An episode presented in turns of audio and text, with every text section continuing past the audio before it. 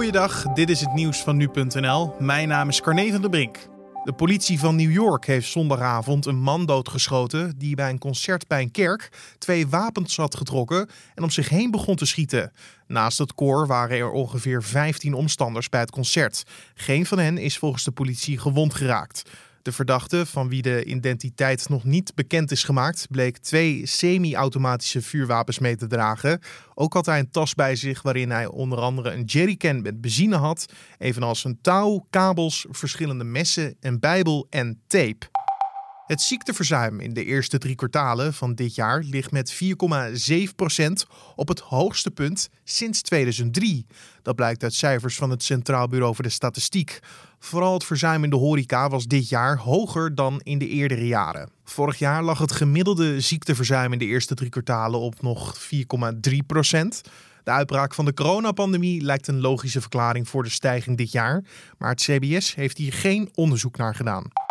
De Britse schrijver David Cornwell, vooral bekend onder zijn pseudoniem John Le Carré, is zaterdagavond op 89-jarige leeftijd overleden. Le Carré stond vooral bekend om zijn spionageboeken.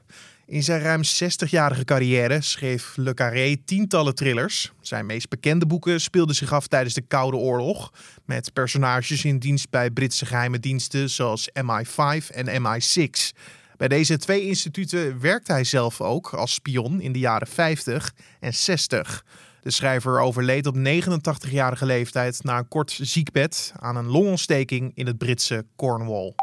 De politie van Belarus heeft zondag meer dan 300 personen opgepakt die deelnamen aan protestmarsen tegen president Lukashenko.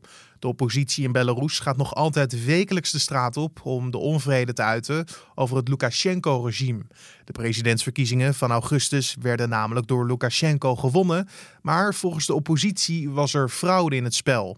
Sinds augustus zijn er volgens de oppositie meer dan 30.000 personen opgepakt. En tot zover de nieuwsupdate van nu.nl.